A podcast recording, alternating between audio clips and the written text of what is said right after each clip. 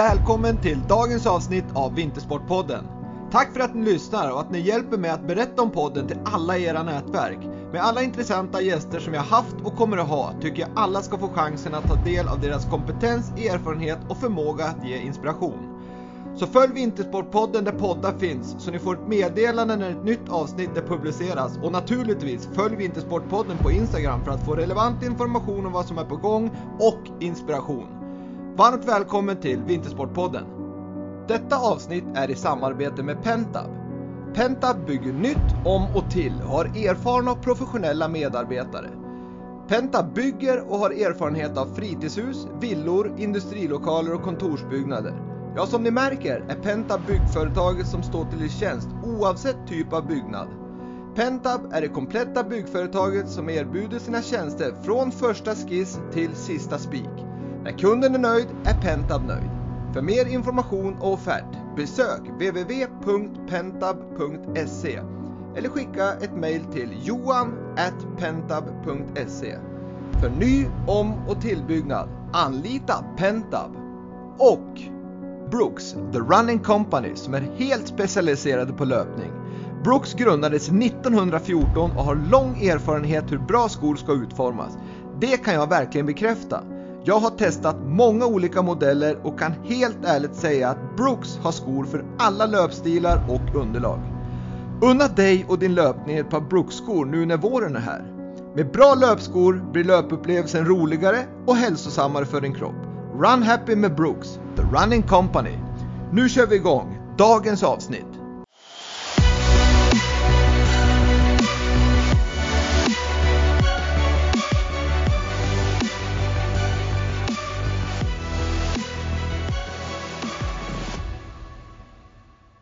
Dagens gäst i Vintersportpodden, en av världens genom tiderna bästa och hårdaste hockeyspelare, den levande legenden. Varmt välkommen till Vintersportpodden, Börje Salming. Ja, tack så hemskt mycket.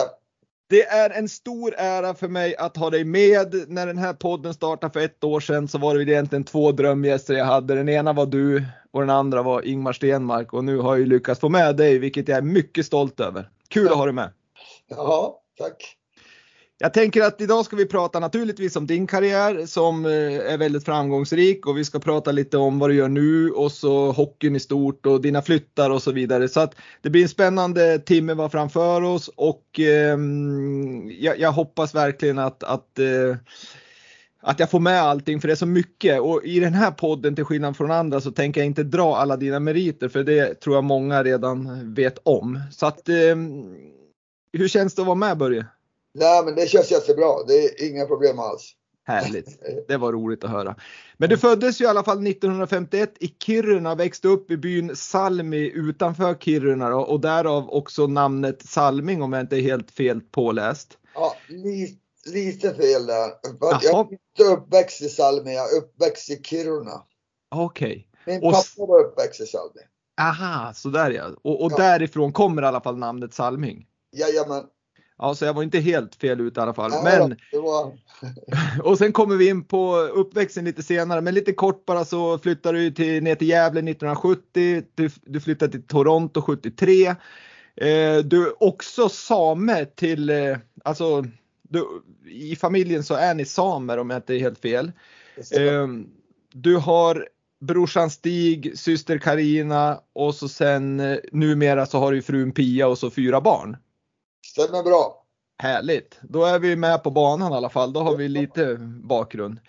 Men vi drar igång direkt Börje. Hur, hur var din uppväxt där i Kiruna? Du, du levde ju där ända fram till flytten till, till Gävle. Hur, hur var den? Jo men det var ju fantastiskt. Liksom, vi, men eh, mycket snö och man gillar ju vintersporter som hockey och jag åkte ju skidor och sen spelade jag handboll parallellt med, med hockeyn. Så jag sprang ifrån träningarna, från hockeyträningarna till handbollsträningar och vice versa. Så, så det, nej men det var fantastiskt att bo där uppe och det, det är dit man vill åka tillbaks när man vill ladda batterierna. Ja för det är ju liksom, man kan ju säga att halva året så är det ju liksom för många fantastiskt och man vill besöka liksom den där trakten, Kiruna och långt upp i Norrland i Sverige på, på sommartid när det är ljust hela dygnet. Men sen finns det ju en bild av Kiruna där det är väldigt, väldigt mörkt dygnet runt också. Hur, hur, hur var det? Är det någonting som har präglat dig liksom? Nej, men man tänkte ju inte på det när man, när man bodde uppe i Kiruna. Det var ju som det var. Jag kommer ihåg bara att när man gick till, gick till skolan så var det mörkt och sen när man kom hem från skolan så var det mörkt. Mm. Ja, jo, ja, men det, det förstår jag. Det, det kommer jag ihåg alltid. Och det var likadant när jag jobbade ett halvår i, i, i, som svetsare i gruvan där på ovan jord. Då. Så, och det var likadant där också. Då, då började man ju ännu tidigare. Det var ju kolsvart och sen, eh, ja kolsvart när man åkte. Ja. Ja, det är en speciell, speciell tid där. Men du sa att du, du höll ju på där med både hockey och handboll och du sprang mellan träningarna från det ena till det andra, vilket är härligt att höra. Men hur, liksom, hur fick ni ihop det? För din far gick ju bort väldigt tidigt dessvärre i en gruvolycka när du var fem år. Mm. hur, hur, det är en dum fråga kanske, men hur, liksom, hur har det satt spår i dig? Ja, det är klart det har satt spår i en när man tappar sin pappa så där liksom när man var så ung. Men när man är så där ung som jag var så fattar man inte riktigt då liksom att liksom pappa hade gått bort liksom eller liksom att han hade dött. Va? Men Stigge som var brorsan som var äh, fyra år äldre så han förstod ju mer av det där. Men äh, då när jag vet att mamma äh, jag åkte ner till, för jag gick ju inte i skolan, Sigge gick i skolan så jag, hon var ju tvungen att börja arbeta. Eh, och så jag skickade, åkte jag ner till eh, Mörjek hette eh, byn eller stan där utanför Boden. Så där var jag hos min mormor första tiden så, så hon kom igång och liksom kunde arbeta. Mm. Ja, för jag, jag, tänker liksom, tittar man på idrotten idag så, så krävs det ju liksom ja men naturligtvis helst två föräldrar och lite föräldrar, låneföräldrar tänkte jag säga, mormor och morfar och farmor och farfar för att få ihop det liksom. Mm. Eh, men hur, hur lyckas ni med det? Var det du och Stigge som lyckas rodda ihop allting? Ja, mycket var ju när hon jobbade så då skötte man sig själv. Man kom, man kom ju hem från skolan och så, ja, då var, då, då, då hade man, det var ju det som gällde liksom. Ut på isen, det var ju där man åkte skridskor och grabbarna träffades där. Vi syns på Mattojärvi idrottsplats där och, och, det var ju direkt efter så det var inte så mycket skola egentligen. Men eh, det har ju definitivt präglat en att, och jag vet ju att man hade ju ingen pappa som, eh, som eh, försvarade en eller mamma var där eller någonting sånt där. Så man fick sköta sig själv väldigt mycket. Mm. Och naturligtvis så hade inte mamma heller så mycket pengar och, och det var ju mycket jag fick ärva av Stigge, brorsans alla hockeygrejer och allt sånt där. Fick man ju ärva och sen naturligtvis så var jag, hängde jag ju nere på hallen och, och hjälpte materialen till, eh, till A-laget. Och mm. det, jag hängde och hjälpte han med alla grejer och då fick jag en massa grejer av han som var typ de skulle kasta typ och de fixade till och de använde. Så, Perfekt! Det ja. tycker jag är fantastiskt härligt att höra för det, det tror jag många skulle behöva idag och liksom lite mer av den inställningen för idag upplever jag att det ska vara så jäkla perfekt allting och nytt och fräscht och fint. Ja, men det, jag kan hålla med dig. Men, men jag förstår det också. Men det är klart, det är ju så. Det är ju dagens Liksom, men det är klart, det är många familjer som inte kanske har råd med, med hockey heller för att då har man fyra, fem liksom, grabbar och så ska, det, det är väldigt dyr sport hockey. Mm. Ja, och det är ju, det är ju synd. Alltså, där har ju, tycker jag, liksom förbundet. Sen är det ju, visst, man kanske inte kan vara tillgänglig för alla, men jag tror ändå att de förbund som har dyra idrotter har ju ett jobb att göra där, att göra den mer tillgänglig för alla om man vill liksom få fler att hålla på. Absolut. Men du, sen nämnde jag här inledningsvis att du är ju också, ni har ju, ni är samer i, i släkten. Hur, ja. hur, hur var det som liksom, är, var det någonting, hade ni liksom renskötsel eller är det bara same i, i blodet så att säga? Ja, nej vi hade inte, vi hade inte renar, liksom min farfar som bodde i Salmiby där och min pappa var född och alla hans hans eh, bröder och, och, och systrar. Så de, men de hade inte renar. Han var mer en affärsman. Det var han som tog dit eh, han trejdade med samerna, liksom andra samerna som hade renar. För de behövde ju salt, socker och allt sånt där. Och det tog han dit till Salmi och så kom de dit och så, så bytte de. Så han fick eh, renar och kött och allting och de fick det. Så de hade inga pengar där. Så, så det, det var väldigt, eh, ungefär som i gamla tider när man trejdade liksom olika grejer. Och sen då så fiskade de mycket och så sålde de fisk upp till Kiruna. Eh, satt, åkte de till tåget och satt på allting på tåget och så hade han ett en magasin där som, som de släppte av alla varor och sånt där. Så nej, han var riktigt då. Sen hade han, tog han dit en såg också på, ja när det längre fram så började de bygga hus och allting. Så det var ju mycket, för samerna hade ju mycket kåtor och sånt där som de hade, men de byggde ju husen. Och, och, det var inte bara i, i de tradar men det, inom hockeyn tradas det ju friskt också. Var det så när, när, när du liksom gick eller har det blivit mer på slutet att man tradar och håller på? Ja, inom hockeyn, men det är klart det, det, är, det är ju mycket tradingar där borta. Och det vet man ju om när man kom dit också att man kunde ha blivit gjort det. Men jag hade ju tur att jag inte, jag spelade ju 16 år i Toronto. Liksom så, och det, jag är så glad att jag fick vara kvar där också för att det, det var ju fantastiskt att spela. Jag brukar säga det mycket av hockey. Mm. Eh, det var alla älskade hockey där och alla ville spela hockey. De spelade hockey tills de var, ja, tills de dog nästan. Så, ja. så är det fortfarande. Ja, men det, det, förstår man ju när man, när man ser liksom hur, hur verkligen hela den där stan brinner för, för hockeyn ja. verkligen. Det är ju allt någonting. vilket är på både gott och ont. Jag misstänker att det var kul att gå ut på stan när det hade gått bra, men det var mindre roligt när det hade gått dåligt. Ja, absolut. De var, de var, de var verkligen kritiska och, och det, var, det gällde ju liksom för en att, att vara var så man inte var ute och kanske var på någon eh, krog till exempel eh, två dagar innan. Ja, då var det, ringde de in som tusan till våran general manager att jag såg han på krogen där och alltså, så, sådana där grejer. Aha. Så man fick vara väldigt försiktig när det, när det inte gick så bra. Ja det förstår jag verkligen. Ja. Men du, om vi skulle liksom, vem, vem är Börje Salming om vi skulle liksom prata mer om intressen och jag vet att du har hållit på med, du tycker om matlagning, du gillar kläder, du tränar en hel del kan jag ju gissa mig till när jag ser dig i, i formen som 71-åring så, så är det ju fantastiskt. Um, stämmer det jag säger? Vad håller du på med på, på dagarna?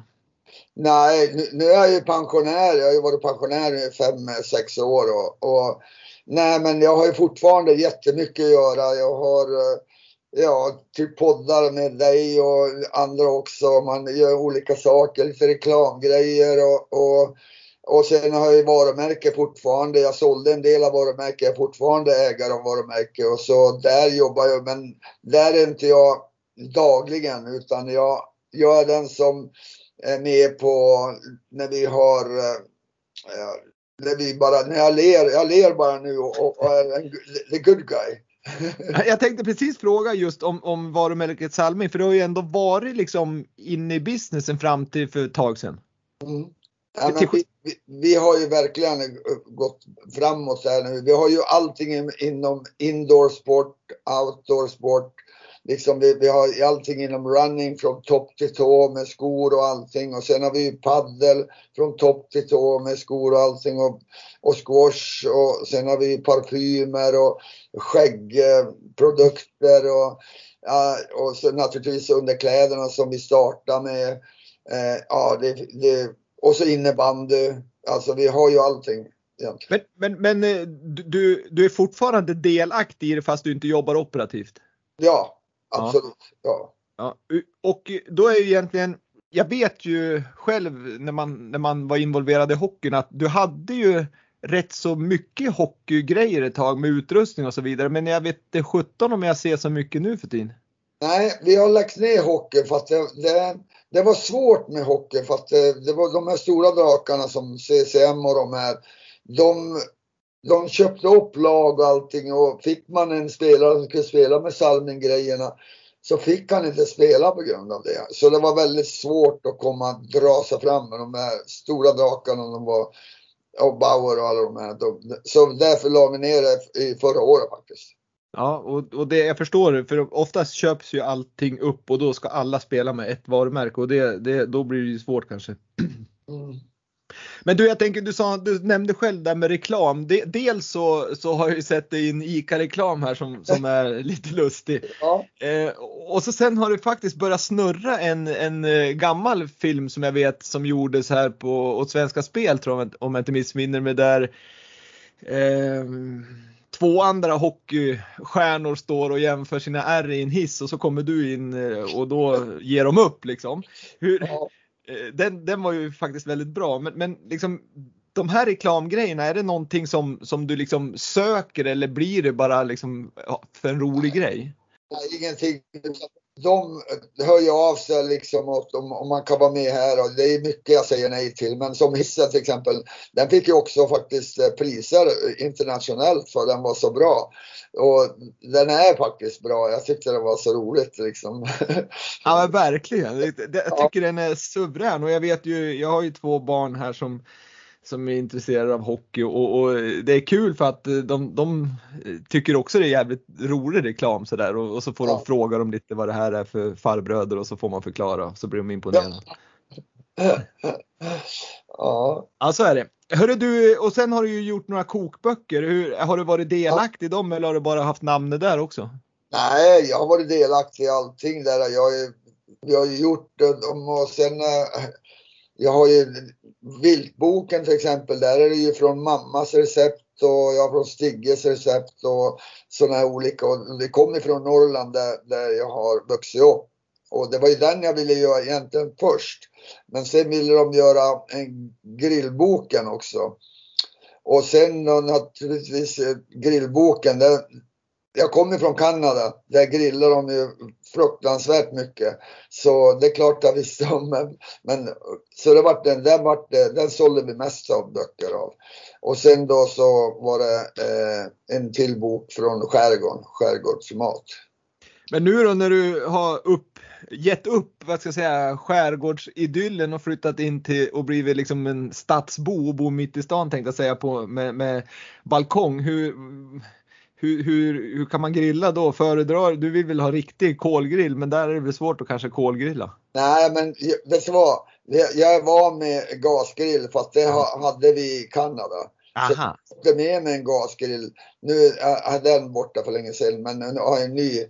Som, eh, men eh, jag är direkt vid vattnet och jag har min altan högst upp och så vi tittar ut över vattnet. Så det är helt fantastiskt. Och där grillar vi och och käka. Nu, nu grillar vi ju inte, nu är det lite ja. dåligt väder. Men, men äh, på sommaren är det fantastiskt. Och vi bor ju direkt vid vattnet, vid Nacka strand.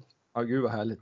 Ja. Mycket bra. Men du, sen då nämnde du inledningsvis här att när du ska liksom fylla på batterierna med, med lite energi så drar du gärna upp till, till Kiruna igen och, och de trakterna. Men vad, vad är det du har för liksom intressen där? Är det fiske eller jakt eller är det bara allmänt att vara i Kiruna? Nej, men det är ju mycket. Vi har ju vårat hem där som, som jag är delägare med min kusin. Vi äger ju vårat gamla hem där som vi har fixat till också nu så. Nej, men det där vi laddar, jag säger ladda batterierna. Men när man åker dit, jag åker upp till jag åker upp till på sommaren, jag åker till våren, jag åker på hösten. Så man är ju uppe fyra, fem gånger minst. Och sen är ju mamma mamma bor ju i Kiruna så man är ju hälsar på henne samtidigt. Mm. Men det, är ju, men det är ju fiske och jakt naturligtvis. Fisket är ju fantastiskt där uppe, liksom få färsk fisk och äta liksom. Vi har ju med oss renkött och sovas och jag brukar säga, man kan inte äta så mycket bättre mat än så här. Färsk fisk och så får man några ripor som man låter hänga i en dag eller två dagar och så äter man det. Man kan, och så tjäder. Alltså man kan inte få så mycket bättre än så. Och då är det ju liksom i de fiskevatten som du är i, där misstänker jag att då är det ju inga implanterade rödingar och allt vad det är. Nej, det är mycket, mycket här och nu. Förr i tiden så bodde de ju där och då fiskade de ju för att få fisk och liksom över vintern allting. Men nu lägger man ju inte någon nät, man fiskar ju bara med, med flugspö och allting. Och det är mycket öring och det blir ännu mer så det, det är bra om man fiskar mycket faktiskt. Men det, det är fantastiskt fint. Och, det, Ja. det, det, och inget, det som är bra med det hela, det är att det, inga telefoner fungerar. Nej, just det. Det måste vara bra, då slipper du såna här som mig som ringer och tjatar. Ja, nej, men det är faktiskt det. Alltså det är en vecka utan telefon. Alltså det är så jäkla skönt alltså. Ja, jag förstår det och vi ska komma in lite grann på just det där från att ha bott och växt upp i Kiruna i, i lite lugn och så komma till Gävle och så sen Toronto. Vi ska komma in på det just hur, Ja. hur det var. Men jag tänkte innan vi går vidare till, till flytten och komma in på karriären så, så måste jag också fråga det där om, jag har läst någonstans om att eh, liksom din far gick ju bort där när du var fem år och, och du växte väl upp då lite grann med farfar som, som kanske var hård. Inte vet jag, men på den tiden var man väl hårdare. Man, man kanske inte skulle grina och inte vet jag om det var någon liksom kultur där uppe liksom. Men, men, men, men sen så har jag ju förstått att på senare år här när du har blivit äldre så har du ju liksom gått i terapi för att liksom få fram dina känslor och så vidare. Är, är det sant det jag säger eller hur, hur, hur har det varit? Nej men det är sant faktiskt. Det, det, det var där jag uppe liksom. Man fostrades så att liksom, eh, typ min farfar sa, det är inget att gråta över. Oh, liksom så. Och liksom när man var i Salmi där, då skulle man ju hjälpa till. Alla fick ju hjälpa till, spelar ingen roll hur ung man var. Skulle man hjälpa till och så hände det någonting. Så det bara, lägg av med det där. Utan det är bara det är ungefär som, jag tror min pappa och hans bröder, de, de fick ju samma visa, liksom var lite hård och de vart hårda också. För det, var, det är ju kallt att bo där uppe när, alltså nu är ju vi bara uppe några veckor och sådär. Men när de bodde där så det var inte lätt alltså. Men, eh, nej men det, det, och där, jag tror det är där jag har blivit lite, den är hårda för att när jag spelade hockey, när jag började som pojk och junior så så var, det var liksom, så fort man, om det hände någonting att jag började gråta, då gick jag och gömde mig. Jag visade inte för någon att jag grät eller någonting. För, och det har hängt med mig hela vägen. Liksom när jag spelade i Toronto också, när man fick sådana riktiga pärlor. Visar man inte någon hur man gick in i båset och så bara kröp man ner och så bara, eller så stampar man bort allting. Och det kanske var på både gott och ont. Dels visade väl inga, liksom, du hade lite pokerface mot motståndaren men det kanske var jobbigt att inte liksom kunna visa känslorna på något vis.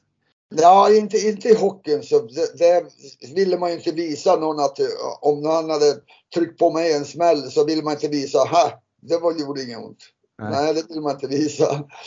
Så det, det var ju, det tyckte jag bara var rätt så bra. Men, Men- sen, men sen hemma, jag tog aldrig med mig någonting hem från hockeyn med dåliga grejer utan jag, när man kom hem då var man pappa. Helt enkelt. Men, men är det skönt nu då när du liksom har lärt dig det här att, att faktiskt kunna visa känslor och, och, och, och uttrycka det så liksom? Är, är det skönt eller är det någonting du ändå ångrar? Nej. Absolut, det är jätteskönt. Alltså, idag så- så grät jag när, när, eh, när tjejerna tog guld i, i, i vad heter det, skidskytte. Mm. Att man jag grät. Liksom, jag blir så glad över dem. Liksom, de- när de kämpar och gör sådana här grejer. Och man blir så superglad. Och, och naturligtvis är det skönt faktiskt så. När jag fick lära mig, när jag gick på en kurs så fick jag lära mig. Och, och det var så skönt att få ut allting. För man hade, det är så mycket inombords som man liksom trycker. Och, men det var superskönt. Så nu har jag inga problem. Jag och frugan, vi, när vi tittar, nu när coronan är så har det blivit mycket tv-tittande och det är mycket gråt. Mm. Vad skönt! Härligt! Är skönt. Att eh, hårda Börje kan gråta, det tycker jag är skönt. Det är bra. Ja. Nej men Börje, ja men då, då tänker jag liksom så här. äh, Vi ska prata nu att vi kommer till Gävle 1970. Men, Ja. men liksom som du beskriver din uppväxt i Kiruna så var det ju ändå ganska hårt. Jag misstänker att det var lite av den här kulturen att, att liksom, du ska inte tro att du är någon mer än någon annan. Men Mm. hur, hur var det liksom när ni lyckades så himla bra där då i Toronto och komma hem där? Var det liksom, fick ni hålla er på mattan eller liksom hylla dem er? Du menar när man, eh, Ja men när du, när du var aktiv och så gick det så himla bra när ni var i Toronto så besökte du Kiruna liksom när du hade blivit så framgångsrik. Var det, hur var det liksom att komma hem då? Var det, var det liksom att hålla det på mattan eller hylla liksom Kiruna dig som person? nej absolut jag har aldrig tänkt så, så men eh, jag har ju fått också lära mig där uppe, man måste vara ödmjuk och, och man är inte bättre än någon annan. Det, det är det som jag har fått lära mig och, och det har jag gått liksom i, hela vägen. Man, man, är, visst, man kan vara stolt över att man har gjort något bra i hockeyn. Men när man går, går från hockeyhallen, då är man som vilken annan människa som helst. Mm. Och det misstänker jag, det är någonting som man har med sig liksom i, i, ja, men i ett omklädningsrum med, med, när man spelar hockey också, att man, att man faktiskt man är en person och, och, man är inte något mer än någon annan även om man gör 10 baljer eller 10 assist. Liksom. Nej, och det är det som är så bra liksom med lagsporten. Man får lära sig också att man är, man är inte bättre än någon annan. Visst, man, man kan tycka att man har gjort 10 mål eller vad det nu är för någonting. Men du är inte bättre än din kompis med det. Jag brukar säga så här, de här två killarna som kanske sitter på bänken som inte får spela. Skulle jag bli skadad eller målvakten bli skadad, det är ju, då är det de som man måste verkligen, de ska ju komma in och ta sin, våran plats. Och inte de, har man inte varit schysst mot dem, då kanske inte de, de tycker ge järnet där ute. Så det är väldigt viktigt att hela laget blir tillsammans och man respekterar alla. Helt rätt, mycket bra sagt. Men 1970 så flyttade du till Gävle och spelade i Brynäs där i tre år tror jag. Du vann två SM-guld. Um, ehm, hur, hur var det att flytta till Gävle då? Ändå, det är några ganska lång, många mil söderut, det är nästan 100 mil söderut. Um, hur, hur var det då på den tiden? För då var det ju inte lika liksom, globalt som det är nu. Eller?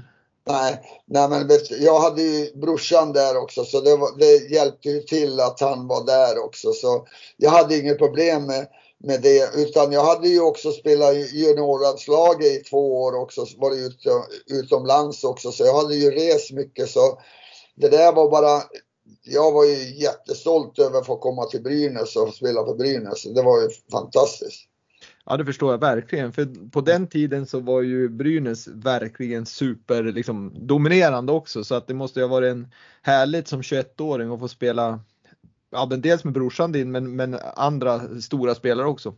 Absolut, man sa inte så mycket när man kom in där med Tord Lundström, Håkan Wicker, Wickberg, Lillprosten, Wille eh, Lök. Alltså det var ju så många som var duktiga. Alltså. Och man har ju sett dem i landslaget också så man där satt man bara och nickade.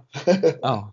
Men du blev mottagen bra där på något vis? Oh ja, oh ja, de var jättesnälla. Men vi var ju verkligen eh, i Brynäs där så var det ju så att när vi gick ut och spelade så var det att ge järnet 100 procent. Och gjorde du inte det, då fick man skäll när man kom in i omklädningsrummet. Även om ni vann med 7-1 så fick man skäll om man hade åkt och glidit runt? Ja, jag kan berätta en historia som var lite rolig. Vi spelade Europacup när vi hade vunnit SM-guld. spelade vi i Tyskland. Och då ledde vi med 7-0. Och, och, och Wille Lööker stod i mål. Och han är nollan. Då, Tigen Johansson spelade med oss. Han, vet vad han gjorde? Han sköt in, han sa, han sköt mål så det var 7-1 på Wille Lööker. Så sa det är bara för att du ska tro att du är någonting. ja herregud, ja men det är lite kul. Båset liksom, ja det var så roligt. Ja det var roligt, herregud ja. Men du, ja det var kul. Men du 1973 då i alla fall så då, då var ju du en av de första svenskar som drog över, var det du och Tord Lundström som drog över till? Eh, Inge Hammarström. Inge Hammarström, förlåt, ja. Inge Hammarström. Som drog över till, till um, eller Kanada i det här fallet och Toronto. Ja. Men, men hur gick tankarna då? Jag vet ju att du har själv, vad ska jag säga, förhandlat det här kontraktet och ni, ni drog, tänkte att ni drog till med några rejäla liksom, summor pengar för det var ju overkligt för er då. Ja. Eh, och så fick ni det liksom. Hur, ja. hur, hur, gick tankarna då? Det måste ju ha varit liksom lite overkligt. Ja, men det var overkligt också. Vi åkte, vi åkte över efter VM i Moskva. Eh, så åkte vi över, typ några veckor efter det, så åkte vi över och tittade. Så tog de runt oss och tittade i Maple Leaf Garden sådär. Och gick jag och Inge. Vi hade en advokat med oss, för vi var, Inge kunde ju engelska, men jag var inte så bra på engelska. Så han var med så det var roliga var att när vi satt där inne med Jim Gregory som var general manager då, så, så han sa han att ja men ni, vi ska erbjuda 60 000 om året. Och så bara, vi tittade på varandra. Eh, Ja, men vi visste ju liksom, det var ju hur mycket som helst. Alltså, vi har ju spelat gratis hockey i Sverige så vi, med 60 000 dollar. Ja, men det var ju hur mycket som helst egentligen. Mm. Uh, men då gick vi och så sa han, men gå ut och prata igenom det här, sa han. Och då sa vi så här, men då, vi säger 85 så kanske han går ner till, kanske han går upp till 70. och så kom vi in och så sa vi 85 000 dollar. Och så tittade han ner bara och så tittade han, så tog han fram handen bara. Ja. wow, 85 000! Vi bara wow! Men sen vad, vad sa vi när vi gick ut då? vi skojar med varandra och så sa det var väl som inte hundra. Ja, jag förstår. Så där är det alltid. Men då, vi var ju jätteglada för 85 000 dollar. Men idag så är det ju det är ingenting egentligen. Nej, nej, alltså det har tänkt jag säga en junior i, i, i, i SHL idag liksom så att, så att ehm, Ja, det, det, har blivit förändrat, men så är ju hela samhället så att eh, det har ju, allt har ju förändrats på både gott och ont och jag tänkte prata om det sen när vi kom in på karriären just det här med att det kanske inte är helt fel om, om eh, ändå de som är yngre idag under karriären kanske passa på att utbilda sig eller ha något sidojobb just för att ha någonting att stå på efter karriären också. Ja absolut, men och det, det jag, jag, tror faktiskt vi har ju, jag har ju inte haft någon agent eller något sånt där. Men agenterna är rätt så bra på det att se till att de eh, lägger undan pengar så de inte skickar bort alla pengar som de tjänar. Så, sätter liksom, så de eh, investerar dem i, i, bra mycket. Jag tror att de är rätt så duktiga på det. Och det, det är ju positivt det, verkligen. Ja, det, för, för, för, jag menar, ja. det, det kommer ju en dag när karriären är slut eller att man blir skadad eller vad det nu än är. Så då, ja men du, när du kom då till Toronto 73 som en av de första svenskarna och, och, kanske inte så många utlänningar som det är nu heller då, utan då var det ju mer inhemskt liksom och så kom de här stjärnorna kom ju verkligen dit. Mm. Hur, hur var det då liksom? Eh, man, man har ju liksom förstått att då ska ju alltid någon i laget liksom se till att visa att Börje, du ska inte tro att du är något här när du kommer in och så ger de på dig en rejäl kyss första träningen. Eller, eller att de gör den här som det har varit väldigt uppmärksammat nu med inkilningarna som, som mm. i negativ bemärkelse. Men hur var det när du kom över? Nej men det var, vi, alltså vi, vi var så vältränade jag och Inge. Vi hade ju kört hela sommaren och ja, somrarna före det och så fick vi ju träna med Brynäs på isen med, med typ en månad innan vi åkte över. Så vi var ju grymt bra tränat. Så, och de hade ju inte kört så hårt som, som vi gjorde så här sommarträning. Men så när vi kom dit så då faktiskt så fick vi, vi kom dit några dagar innan träningsläger och då fick vi sa, vill ni åka ut och åka lite grann? För de ville väl kolla på oss då lite grann. Mm. Ja visst sa jag, men det gör vi. Så vi gick in i omklädningsrummet, bytte om och gick ut. Och så tittade vi upp och då satt hela trojkan där, liksom, där uppe. Ägarna, vet du, general managern och all, allihop där. Och, och då sa jag, jag och Inge men för fan nu åker nu visar vi vad, liksom, vad skåpet står. Och vi var bara ensamma. Vi åkte som galningar där liksom, och sköt och liksom allting. Och det fick jag höra sen av min general manager sa att, vet du vad, han Alltså det ni gjorde där. Våran ägare som var ju så här, varför ska vi ta några svenskar hit? Han var lite, inte så där riktigt bra. Liksom, att han tyckte det var så kanske bra att ta svenskar hit. De är ju chicken sweets typ. Så. Ja, men eh, när han fick oss, se oss åka och skjuta det, då vart det, tittade han bara upp på våran scout Jerry, Jerry McNamara som, som tog över mig dit. Han bara Wow! Ja, då fick han liksom. Ja, det var riktigt roligt. Ja, det förstår jag verkligen. Fan. Men det är väl typiskt sådär att man, ja men det är väl eh, förutfattade meningar från dem då, just det jag menar, just kommer över Chicken Swedes och så ska man visa dem var skåpet ska stå, men ni gjorde tvärtom, ni visade dem var skåpet skulle stå. Mm. Men du, om vi drar liksom kort, liksom din karriär, de här höjdpunkterna, så har du ju spelat 1229 matcher i NHL, alltså med slutspelsmatcher, då stämmer det va? Mm. 674 assist, vilket är helt fantastiskt totalt. För du gjorde ju 620 assist i Toronto som är klubbrekord. Om jag inte är helt fel ute så är det fortfarande klubbrekordet. Ja, det är det. Och det måste ju i sig vara jävligt stort. Mm. 162 mål, Ja. Och sen en utmärkelse som jag i alla fall skulle vara otroligt stolt över. Det är den här um, eh, Team of eh, Century, alltså en av ja. sex bästa hockeyspelarna de sista hundra åren. Ja. ja, men det är jag stolt över. Men jag har ju varit så här jag har ju inte tyckt alltså sånt här utmärkelser, det har inte varit så viktigt utan jag har ju bara varit liksom, jag har ju kört på bara velat liksom spela lag och kört på så här. Så när de ringde mig och då skulle VM vara i, i Quebec och då skulle vi få de här priserna. Och då sa jag, eh, så jag berättade liksom för, jag tror min äldsta pojk va, så berättade han och så sa han, nej men jag vet inte om jag ska åka över. Men vad fan sa Du måste ju åka över för fan. Du måste ju dit och hämta det här är hur stort som helst. Ja men du vet, det är ju över hundra år och vi var i samma liksom, eh, ungefär som i samma femma som ryssarna, Shalamov och Makarov och ja, Gretzky var ju med och, och så var ja, Fettis och, och Tretjak i mål. Ja, det var ju, det, det kan man säga, det är jag väldigt stolt över. Ja, för det måste ju vara Ja, alltså det är så stort så att det är overkligt nästan. Men, men, en annan stor sak som, som du har lyckats liksom fått på grund av din fina karriär, det är ju den här statyn utanför Canada Air Center i, i Toronto. Ja. Och det är ju också någonting som, jag menar, för det första skulle jag ju vara otroligt stolt över det och sen skulle jag ju var väldigt liksom så här att få visa sina barn den här statyn, för det är också någonting som är kul som alltid kommer leva vidare. Om, om det inte är någonting, liksom, att jorden rasar så, så kommer den leva vidare, vilket också måste vara jättestort. Ja. Nej men det, jag trodde ju att det var slut när, vi, när de hängde upp tröjan och när mitt nummer, det, 21, det är ju mitt nummer nu, ingen kan ju använda det numret. Och då är man ju väldigt stolt över det, den hänger där uppe i, i, i taket. Och sen Hockey Hall of Fame var ju väldigt stort också för att det fick jag genom åren att höra liksom, Det var ju deras dröm att komma in i Hockey Hall of Fame, alla hockeyspelare. Men sen då trodde jag det var över.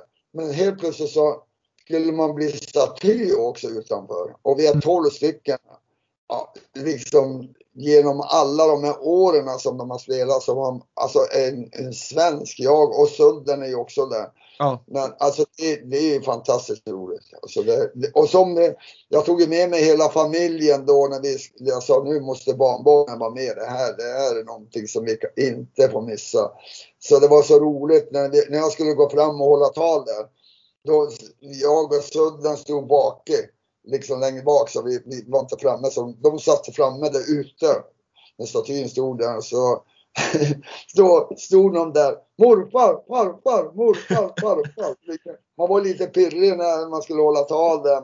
Och man gjorde high fives med dem. Ja, det var så jävla kul att ha med familjen där. Och, och, och apropå känslor, ja då, då kan jag tänka mig att, eh, att det svallar över lite grann.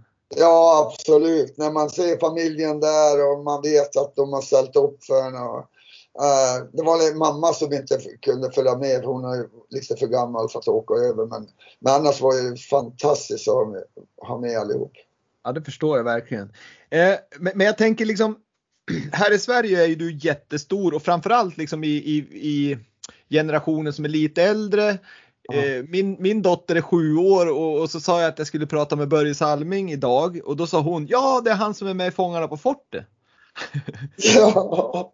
så att, ja men på något vis har du ju levt, i och med att du har varit så, liksom du är ju så vältränad och fräsch så att du, du har ju varit med så att du lever ju vidare ändå i yngre generationer också. Hur, hur är det när du går på gatorna i Sverige? Är du ofta liksom igenkänd av, av folk och tycker du det är jobbigt?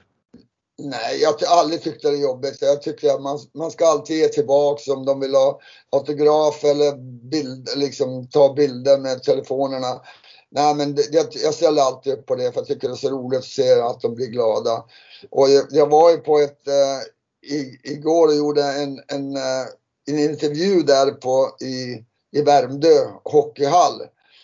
Och då kom det en sån busslast med, med massa små tjejer Eh, och killar som skulle ut och åka på uteisen där. Och då bara såg de liksom den här kameran som filmar mig och då bara stannade de allihop. Oj, vem är du då? Så, då fick jag stanna och berätta för dem vem jag var. Oj, men det var några killar som spelade hockey också. De, ja men du Börje Salmi, ja, Och då fick jag berätta. Alltså de var så, de var så mysiga de här barnen. Så jag kramade dem och det var så roligt. Det var jättefina efteråt. De tyckte det var så roligt att jag berättade det för dem. Alltså, ja, vad kul. Vem jag var. Och, och, det tror jag det uppskattas ju verkligen och det visar väl på din ödmjukhet också att man tar sig den tiden för det tror jag är verkligen liksom rätt väg att gå. Jo men det är viktigt också. Jag, jag tycker liksom att jag vet att de, de gånger när vi var i, i Toronto där så hade vi eh, de tog ju 16 800 eh, in då. Och vi, vi hade några träningar där som det kom 16 800 barn de behövde betala en quarter och det gick till välgörenhet och så kom de in och fick se våran träning. Men efteråt så då var det ju att skriva autografer. Jag vet att många av spelarna de stack ut bakvägen. Men jag gick ut bara stod där. Man var nästan överfallen. Jag skrev autografer tror jag tre, fyra timmar. Bara skrev och skrev och skrev. Men jag tyckte det var så, ja men det är så viktigt att vi ger tillbaks. Ja. Så, och, och, det får man ju tillbaks själv också att man blir, man blir glad när de andra är glada. Ja men precis och, och en bra förebild det är liksom det som, som jag tycker är en av en av viktiga liksom, saker som man har som, som eh, vad ska jag säga, känd person eller duktig idrottsman eller kvinna. Det är ju liksom att, att vara en bra förebild och det är ju en del av det är ju att ge tillbaks och liksom skapa inspiration och energi till, till eh, kommande generationer. Absolut. Men du, jag tänker på när, när när ni spelade där i NHL så, så var det ju liksom en helt annan eh, atmosfär och spelstil jämfört med nu. Jag menar det var ju stenhårt när ni spelade. Det var tufft. Det var mycket bråk. Man hade ju som så kallade poliser i varje lag som skyddar stjärnorna och så vidare. Mm. Nu har det ju blivit nästan så att NHL har hårdare regler än SHL. Ja. Hur, hur ser du, dels hur ser du på, på utvecklingen där? Ja, men jag tycker det är bra. För utvecklingen som vi hade nu på 70-talet när vi kom dit. Så det, jag kan tala om, Inge Hammarström, han var ju ingen sån där som slogs eller sånt där. Men hade han kommit på 80-talet, då hade han ju då hade han gjort 50 mål varenda säsong. Men där så tog de, de tog, höll på att nästan slå ihjäl han. Och det var likadant mig också. De tyckte det var, när vi vart en kugge i laget så vart de ju galen där. Försökte ju ta, ta ihjäl men eh, det var bara att gilla läget och gå ut och köra. Men jag tänkte, är det, är det bara stjärnorna som är forward som blir skyddad på något vis? Jag menar, eh, du som var en stor stjärna, men du var back. Du, fick, fick du någon, hade du någon polis?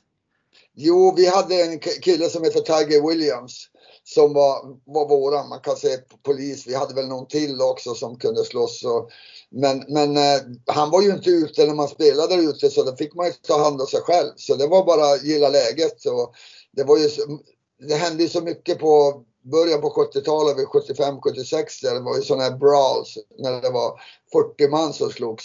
Och det var hela tiden och, och de fick ju inga de fick inga utvisningsminuter heller. någon fick nog kanske fem minuter eller tio minuter för någonting. Men, men resten liksom så, de kunde ju vad fan de ville. Man har ju sett den här filmen Slagskottet. Ja. det var lite så, alltså bröderna Hanson. Ja, ja men det var så. Alltså när vi spelade mot Philadelphia Flyers, vi spelade, jag tror att, om det var två eller tre år i slutspelet mot dem. Alltså det var så jäkla blodigt och det var helt galet. Ja, det, det tycker jag är, jag menar nu måste ju liksom det blir ju en helt annat klimat. Jag tänker på de här svenska spelarna som åkte över nu som är väldigt duktiga. Elias, Elias ja. Pettersson och de här som är ganska små egentligen. Som är mm. väldigt, väldigt duktiga. Jag menar det skulle ju inte ha gått förut. De hade ju blivit nerplockade. Ja, helt klart. Och, och men det, det, det var ju det som var så konstigt egentligen att de inte var, sen var ju utvisningsbåsen små så när det var för många utvisningsbåsar, ja då kunde de inte ta några utvisningar för då fanns det ingen plats där. Ja. Sjukt alltså. Ja, det är helt sjukt. Men, men jag tänker när man, när, man, när man ser på Gretzky och du spelar ju där till, tillsammans tänkte jag säga, det gjorde ni inte men ni spelar mot varandra. Men han spelade i NHL då och gjorde en herrans massa mål. Och hur, hur tror du liksom han var ju en sån som var skyddad. Det var ju knappt någon som vågade ge sig på honom. Hur, hur liksom tar du till exempel Ovechkin idag som också gör väldigt mycket mål, men han, han får ju sköta sig själv han ganska mycket. Det är ingen som skyddar honom. Han hade ju kanske gjort dubbla mål om han hade haft förutsättningar som Gretzky hade haft. Är det, är det en rätt tolkning eller hur, hur ser du på det? Ja, men, men Gretzky kom ju i början på 80-talet. Så då hade de ju börjat styra upp det hela liksom och, och sen började de ju då också titta efteråt liksom när, om domarna missar någonting så tittar de på videor. Det var alltid någon som tittade på matchen och tittade och så vart de avstängda liksom, om de gjorde något dumt. Och idag är det ju stenhårda, som du säger, det är stenhårda regler liksom. När, när de tittar ju efteråt och missar en domare någonting så då åker de på sådana med böter och avstängningar. Vilket ja, jag menar nu en slashing, slashing över handskarna nu i mitt zon, då är det ju direkt ut. Det ja. En... ja. ja det, det, gynnar, det gynnar ju hockeyn om man säger så. Absolut. Ja, absolut. Men du, din spelstil den var ju enormt uppoffrande om jag säger så. Jag menar du, du, du offrade ju både liv och lem för, för liksom laget och för att inte pucken skulle gå in. Var det någon gång du kände liksom så här äh, att du var rädd när du skulle ut och spela eller inför en match eller någonting? Nej, jag har aldrig känt något sånt. Det, det var bara liksom när vi spelade mot Philadelphia fick jag, för det var de här som du pratade om, de här äh, eh, liksom. Det var fyra, fem stycken och de hade ju fått uppdrag att ta ihjäl mig liksom där ute. Och det fick jag ju bekräfta sen av, av lagkaptenen som hade varit i deras lag. Så han berättade det för oss. Det var inte vi som ville ta ihjäl det utan det var våran tränare. Och det, då, då var man ju tvungen bara kanske liksom, det var därför jag tränade så jävla mycket också. Tränade för att försöka vara smidig och klippte ner mina benskydd och allting sådana grejer så att jag skulle komma undan de där som kom i 200 och försökte liksom med klubban upp i väder och försökte hyvla huvudet av en. Det var ja. inget läge att titta på pucken då, för då jäklar. Men då lärde man sig mycket liksom hur man visste att de här kommer inte åka in och dribbla över blå linjen. Då kommer jag skjuta in i mitt hörn. Ja, men då tjuvade jag in ut och så spelade jag upp till grabbarna och sen stod jag upp med klubban så de fick det med näbben. Jag lärde mig det. Och det var ju grabbarna som lärde mig det. Upp med klubban för fan i ansiktet på de där galningarna. Ah.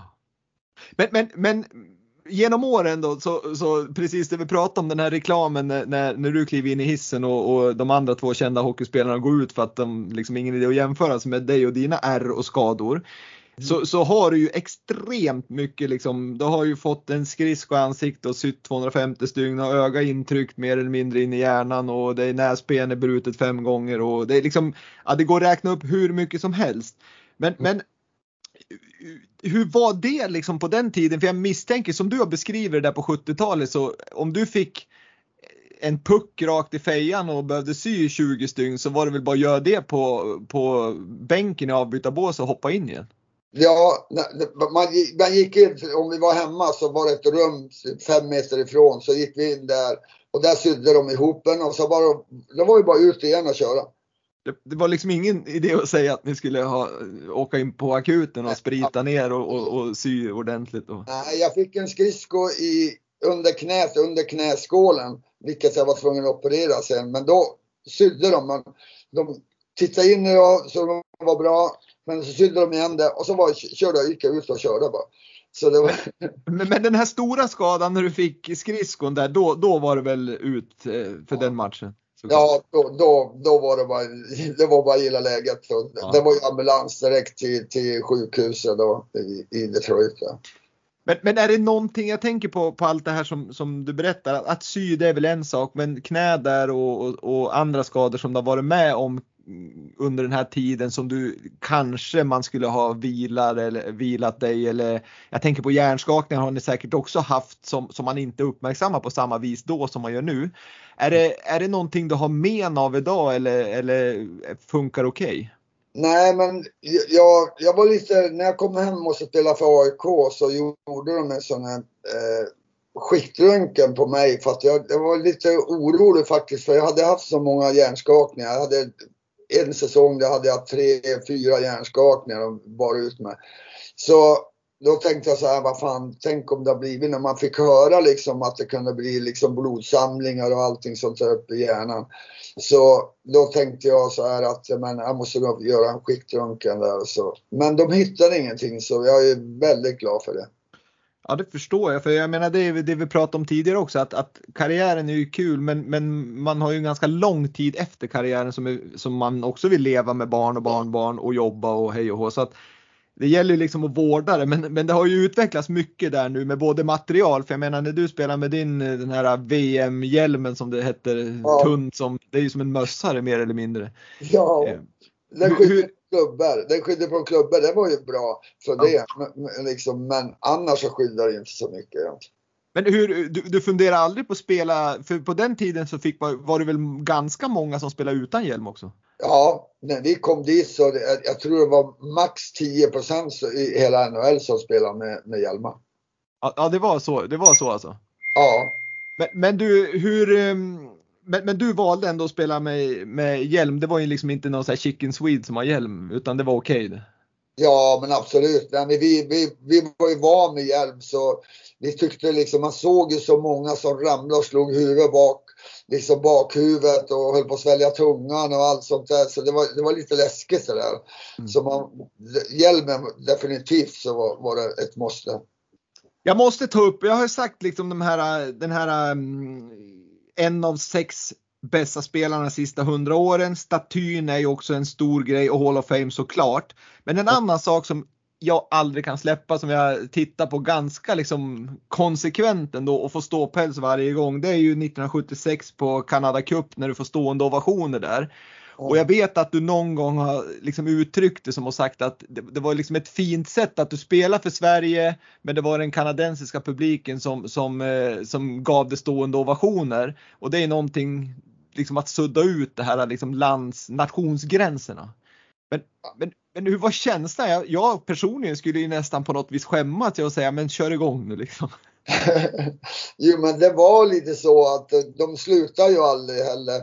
Så jag, jag snurrar ju lite varv, jag funderar, vinkar ju åt dem och tack, tack. Eh, men nej, det, det var, de fortsatte ju bara liksom och, och det var ju jag, jag, tror det har mycket, liksom, som du säger också, att eh, jag offrar mig så mycket och, och de, det var, de, de, skrev någonting i tidningen någon gång att jag, jag var mer kanadensare än kanadensarna själva. Så det var ett fint ord för mig att liksom få höra. Och, och jag tror de tyckte liksom det, det var därför de gav mig den där. Och de gjorde inte det bara mot USA första matchen. De gjorde det mot Kanada som det var ännu värre tyckte jag när jag gjorde det. Så tänkte jag, nej men du kan inte göra det nu när vi spelar mot Kanada. Nej, då gjorde, då var ju, då gjorde de likadant när vi var intresserade. Men de gjorde inte mot Tiger, eller vad heter han, eh, Darryl Sittler och Lenny McDonald som spelade i, som var också i startfemman. De mm. fick ingen standing ovation. Och, och jag fick som är svensk. Alltså det var ju helt sjukt och det, det är man ju stolt över naturligtvis nu. Liksom. Det, det var väldigt roligt att se. Är det någonting, handen på hjärtat, du kanske inte vill säga det, men är det någonting du kan slå på eller säga åt barnbarn att hörru nu, nu kom här så sätter vi oss och tittar på en sak som farfar och morfar har gjort nu? Ja, jo men jag har kvar dem. Jag har fått dem ja, och jag, faktiskt så håller jag på jag hade dem i gamla versioner men nu har vi satt dem på en och samma så vi ska ha en biokväll här nere. Och jag bor har vi en, en biosalong här nere. Så då ska vi ta hit familjen och käka middag och, och titta på dem lite grann. Sådana här grejer. Herregud vad roligt. Men jag, men jag tänker du då som, har, som är så här stor, är och har varit så stor i Kanada. Mm. Och få de här, liksom, du är så himla känd i, i, i Kanada och i, liksom, i hela världen tänkte jag säga, men som hockeyspelare i alla fall. Men du, du, det blev aldrig så att det blev kvar där och, och, och, blev kanadensare liksom på, även efter karriären och nu och, och så vidare. Var, var, varför blev det så? Att du, blev, att du flyttade tillbaka till Sverige? Jo men det var, alltså jag, jag, jag, kommer från Norrland och jag, som vi pratade om tidigare, det här jakt och fiske och jag var tvungen att åka hem. Visst att man kunde åka åkt fram och tillbaks naturligtvis. Det var, men vi ville, för ett tag så tänkte vi faktiskt för göra det. Men, eh, men sen då för, på grund av att barnen var kanadensare och, och så här. Men sen då så tänkte vi nej, jag har hjärtat i Sverige, jag vill flytta hem. Ja, och det förstår man ju lite grann när man, jag tror det är ännu mer när man kommer uppifrån Norrland och vet liksom vad Sverige, hur fint det är. Nu har ju Kanada fin natur också, men jag tror ändå det är något speciellt här i, i, i Sverige där du kommer ifrån. Så ja. det, det, har jag full förståelse för. Men du, en sista liksom grej kring, kring just karriären sådär. Eh, jag vet någon gång att du har, ju, du har säkert nu också, men under karriären så hade du ändå bra relation med Gretzky trots att liksom ni var ju vad ska jag säga, värsta fienderna. Ni spelade olika lag och han var forward och du back och han skulle försöka göra mål och du skulle liksom mota honom och komma in. Men dels stämmer att ni var ändå liksom hade en bra relation men ni matchats ganska hårt mot varandra om jag inte missminner mig. Liksom att, att du skulle alltid vara ute samtidigt som honom och, och, så vidare så att det blev liksom coachen hade fullt sjå där med att släppa in dig och så vidare. Ja, nej men det är sant faktiskt och, och min tränare på den tiden eh, när Getske kom då efter, efter någon två år så var det var ju då han var så jäkla, blev så bra. Och då var jag tvungen, då skulle jag vara ute när han var ute. Ja, och när vi var, och du vet ju hur det är när, när, när de, eh, domarna sätter upp handen, mm. när man till exempel spelar i Edmonton. Då är det ju, då, då, då är det bara hemmalaget som får byta. Och, och då höll vi på där, jag och eh, Wang. Så han visste ju att jag skulle vara, vara ute där, så han visste ju. Så när jag hoppade ut så då hoppade han upp och satte sig på sargen och liksom bara satt där och tittade på mig. Nähä, då hoppade jag på sargen. Då hoppade han ner. Då hoppade jag ner. Men då hoppade han tillbaks. Och sen hoppade jag tillbaks och tänkte vänta ut han. Då kom handen upp på domaren. Och så sa han stopp Börje. Då fick jag hoppa in i båset. Och då kom Gretzky och gled han förbi och bara sa, så sa han bara Sorry Börje.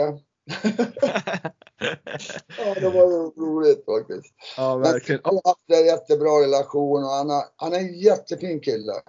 Så... Har du bra kontakt med honom idag? Nej, inte så mycket kontakt med honom idag. Men, eh, men alltså när vi har träffats på Hall of Fame och allt sånt där. Han är en jättefin kille. Mm. Ja, jag har förstått som så när man liksom det lilla man följer i, i media och så där så verkar han ju vara en sympatisk man. Men du, om du tar hockeyn som sådan nu då och, och svensk hockey, vad, vad, vad, tycker du liksom, vi har ju pratat om att utvecklingen ändå har blivit bättre vad det gäller spelandet sådär, men, men mm. vad, vad ser du för förbättringspotential i hockeyn för att den ska bli bättre, den ska bli mer populär hos liksom de som följer det och, och liksom att den ska ja, men bli bättre helt enkelt? Mm. Nej, men jag, jag tittade på matchen idag. Sverige slog ju Kanada med 2-0. Mm. Och det var ju fantastiskt. De spelade jätteduktigt. Men jag kände inte igen någon av dem liksom. Eh, nu har man ju sett någon match innan så man kände ju någon av dem. Men, men innan det kände man inte någon av dem. Utan, utan det har ju blivit, det är ju mitt kanske lite fel på grund av att alla åker till Kanada och de spelar ju där och sen kanske de inte spelar i landslaget så mycket i och med att man inte får tid att spela som det varit nu. Då kunde de inte spela OS. Och då, då kan man inte börja... Då ser man inte liksom de här, man vet inte vilka som spelar. Så, men ja, hockeyn tycker jag, liksom, om man tittar på juniorhockeyn hela vägen, alltså de åker skridskor, de är superduktiga tycker jag. Det är, det är sån fart och fläkt och, och bra hockey. Och det tyckte jag var idag också. De var riktigt duktiga svenskarna. Jättebra.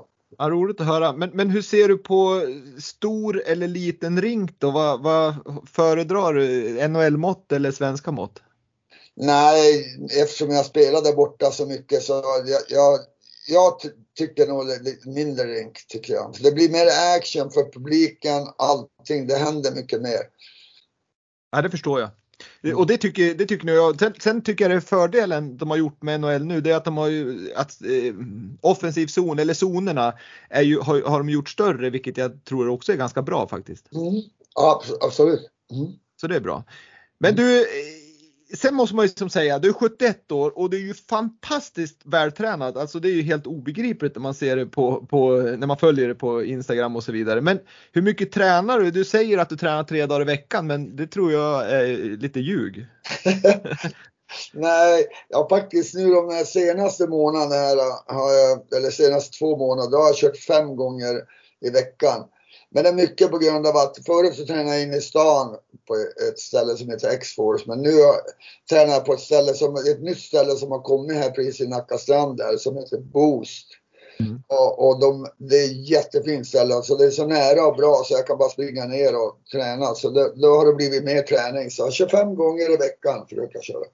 Ja, det är grymt. Och då är det styrketräning eller kör du löpning? Och... Nej, jag, jag har en dålig höft också. Lite, lite dålig höft. Så jag fick... Jag skulle inte springa så mycket så jag är ute och går mycket. Jag går emellan och, och, och så ja, kör mycket styrketräning. Ja.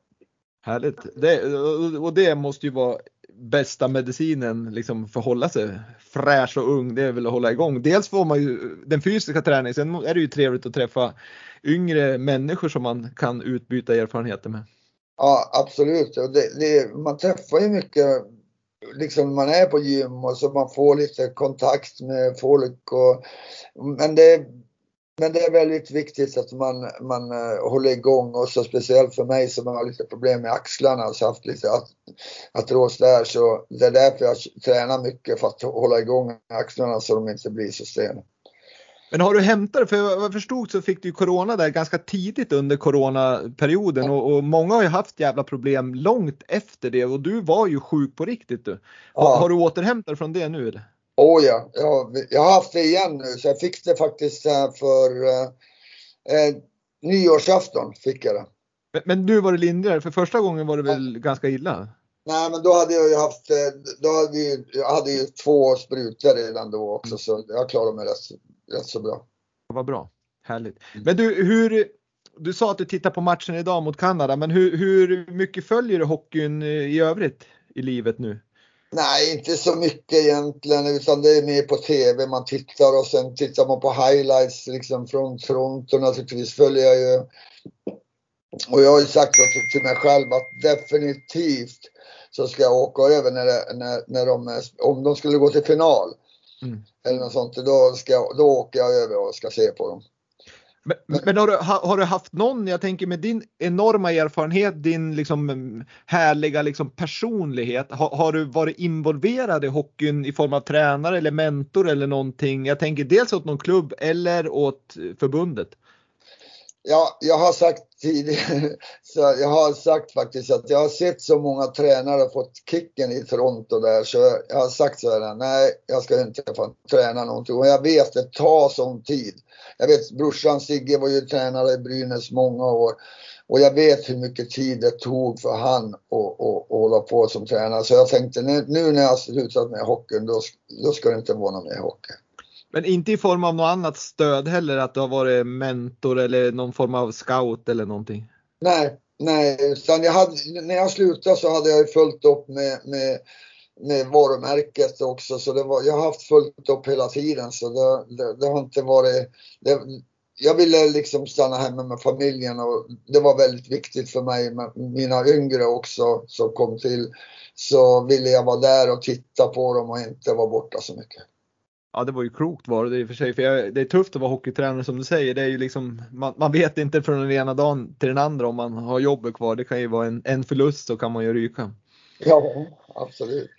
Men, men du, jag tänkte säga, du sa det själv nu om, om, om de går till final så åker du över. Men, men jag tänker på statyn och, och ändå den legend du är i, i Toronto. Åker du över en gång per år för att bara liksom besöka det eller, eller är det bara vid vissa tillfällen? Nej, jag åker över faktiskt med, med, ett gäng grabbar här nu. Nu till exempel 6 april så ska vi åka över nu med, med 20 grabbar. Så guidar de där liksom i hallen och lite, lite ja, till matcher också. Och det, det, jag åker nog över kanske tre gånger per år. Men nu har det blivit mindre på grund av coronan här, restriktionerna. Vad har du för bemötande då? Är det liksom the king som kommer då också eller är det Ja, nej men de är så, vet du vad, de är så duktiga i Toronto, när vi, det är Toronto vi åker till. Så de, de gör inte bara för mig när de gör någonting utan de gör det för hela publiken, för allting. Liksom, och, och när jag kommer dit och när jag är på matcherna där då sätter de ut mig på jumbotronen och så får jag stå där och ta hyllningarna av allihop. Och, ja, de, är, de är sjukt duktiga att ta hand om sina gamla spelare. Ja, vad kul att höra. Det tycker jag är, det är fint. Jättefint gjort. Ja, det är det. Men du, innan vi avslutar det här så jag måste ställa bara en kort fråga kring, kring en av din, ett av dina barn. Bianca är ju duktig i tio, nej sju kamper de håller på med. Ja. Och höjdhopp. Ja, ja, inom friidrotten och, och är väldigt duktig. Hur, hur, hur mycket involverad är du i den satsningen? Är du, är du bara en vanlig förälder eller är du med på något vis på träningar och stöttar på så vis? No, jag är och tittar på träning och så tittar på tävlingarna naturligtvis. Det är man ju alltid där.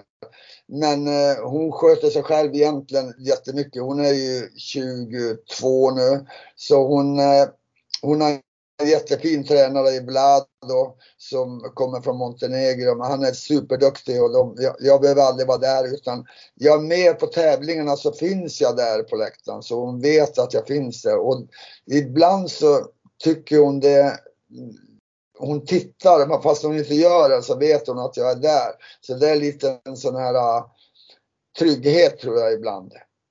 Ja, det förstår jag verkligen. Men, men som hockeyn har, har, har tränat på ett vis liksom, liksom ganska likt många år och man, man kör på ett visst vis. Ja. Skulle du kunna, du som nu är involverad och, och dels tränar mycket själv och, och, men även då ser hur Bianca tränar i, inom friidrotten som jag tycker tränar bra och de har en härlig liksom, de blir ju väldigt allround. Mm. Är det någonting du tycker liksom hockeyn skulle kunna lära sig från andra idrotter och jag tänker dels då på, på friidrotten? Mm. Men ab absolut. Och, men till exempel hon kör ju mångkamp och det är så många, det är ju sju olika som man måste, mycket teknik och mycket sånt där. Och jag tycker liksom inom hockeyn också, jag höll på med all sport, sommarsport till, till vintersport. Och det tror jag, håller man på med många sporter så blir man bättre, till exempel hockeyspelare också. Man ska göra så mycket som möjligt, man får balans, man får mycket mycket styrka från olika träningar och olika, ja, ja det man har, till exempel handbollen och allt sånt där. Så det, det är verkligen, eh, jag tror det är viktigt att man håller på när man är ung. Så blir man starkare liksom än, än att till exempel nu ska jag bara spela hockey och nu ska jag köra styrketräning och så här.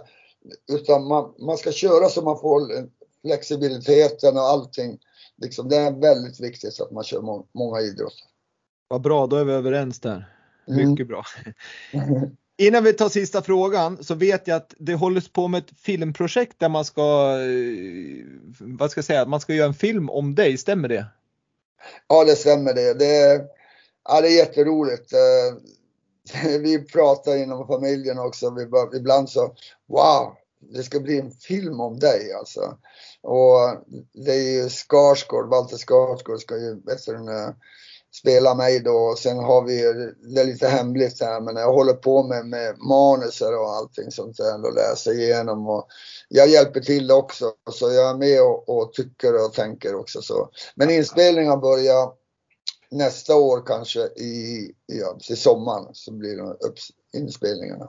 Men, men, så du är involverad så pass mycket att du är med och läser manus och, och, och tycker till också? Jajamän, men det ville jag vara med också. För jag ville att liksom inte jag vill till exempel att inte hockeyn blir någon liten någon fjant utan det ska bli på riktigt. Liksom. Och jag tyckte ja, att det ska vara lite, lite koll så det blir, stämmer rätt så bra. Jag vet att när det ska bli en film så kan man inte göra det hundraprocentigt, det vet jag. Men, men eh, det, kommer, det kommer bli rätt bra. Har du varit, varit med och valt karaktärerna också? Eller skådespelarna? Nej, det sköter de allting sånt där. Men jag har, jag har fått höra lite grann om dem, vilka som är med och det, det ser jättebra ut. Ja, det låter väldigt spännande. Den ser jag fram emot att få se och jag mm. är otroligt glad, stolt och tacksam att, att du har velat prata med mig under drygt en timme här, eh, vilket har varit jättekul. Men innan vi slutar så ska jag ställa en generell fråga till dig Börje som jag ställer till alla gäster i Vintersportpodden. Eh, och den är ganska enkel att svara på. Kan du säga en framgångsfaktor för att lyckas med idrott? Ge 100 procent. Det tycker jag speglar dig bra Börje. Ge 100 procent för du gav ju 150 procent så då, då, då räcker det med 100. Ja, tack. Men du, med det sagt så önskar jag dig all lycka med alla dina framtida projekt, med filmprojektet och att du fortsätter att må bra och tränar hårt och ha ett härligt liv. Mm, men tack så mycket. Det var jättetrevligt att få vara med och få berätta. Det är, det är roligt och kanske de yngre också förstår lite mer också av vad jag har gjort för något. Ja, dels det och så sen tycker jag det är viktigt att de också får lite perspektiv på det, på det du säger. För det är bra att framgångsrika människor som har varit med om resan också berättar hur, hur det kan vara. För att många gånger så är det som vi sa inledningsvis att det ska vara på ett visst vis, det ska vara lyxigt och det ska vara si och det ska vara så. Men jag tror att det är bra att ni återger hur, hur det, att man kan lyckas ändå fast man inte har haft det så superrikt och så vidare. Ja, absolut. Stort tack Börje! Ha det jättebra! Tack, tack! tack.